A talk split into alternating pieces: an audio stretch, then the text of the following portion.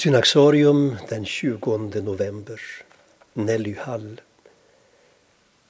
Under 1800-talet blåste förändringens vindar över både kyrka och samhälle. Och en av de frågor som diskuterades mest intensivt var kvinnans roll. Var det riktigt att kvinnor förkunnade? Även i Sverige skrevs artiklar, pamfletter och böcker i ämnet. Men det frågan egentligen gällde var Nelly Hall. Var det riktigt att hon predikade? Nelly Hall föddes i Östergötland år 1848 och utbildade sig till lärarinna. Hon hade anställning på en skola i Göteborg när hon mötte den amerikanske förkunnaren William Boardman och hans fru Mary. Därmed kom hon i kontakt med den så kallade helgelserörelsen som betonade att omvändelsen måste följas av en fördjupad strävan efter helgelse. Hall sa nu upp sig från sin läraranställning och började resa som förkunnare. I talarstolen var hon saklig, lugn och ledig. En tidningsartikel skriver gillande om hennes verksamhet, om än med en tidstypisk fördomsfullhet. Frånsett det kvinnliga i rösten och i klädseln uppträdde hon på ett sätt som utmärker den fulländade predikanten. Trots att hon talade helt och hållet fritt, det vill säga utan utkast, flöt föredraget fram med en ledighet och ett sammanhang som skulle hedrat vilken manlig talare som helst.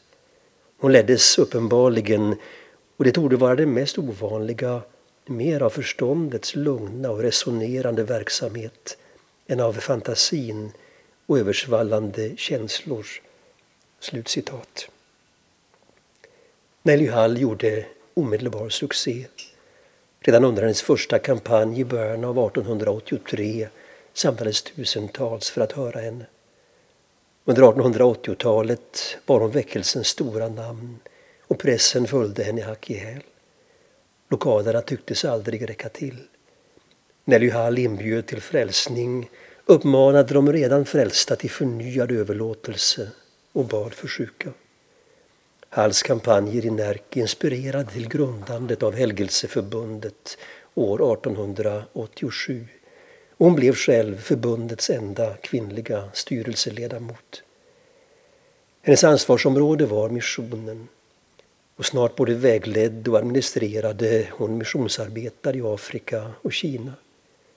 Hennes största prövning var boxarupproret i Kina år 1900 då tio av organisationens missionärer dödades.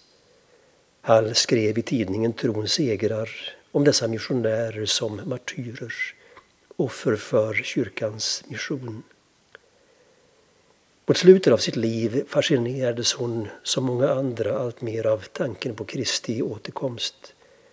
Hennes apokalyptiska spekulationer orsakade dock konflikter och Hall flyttade västerut till USA. År 1916 dog det svenska 1800-talets främsta kvinnliga predikant. Ja, kanske den främsta i vårt land överhuvudtaget.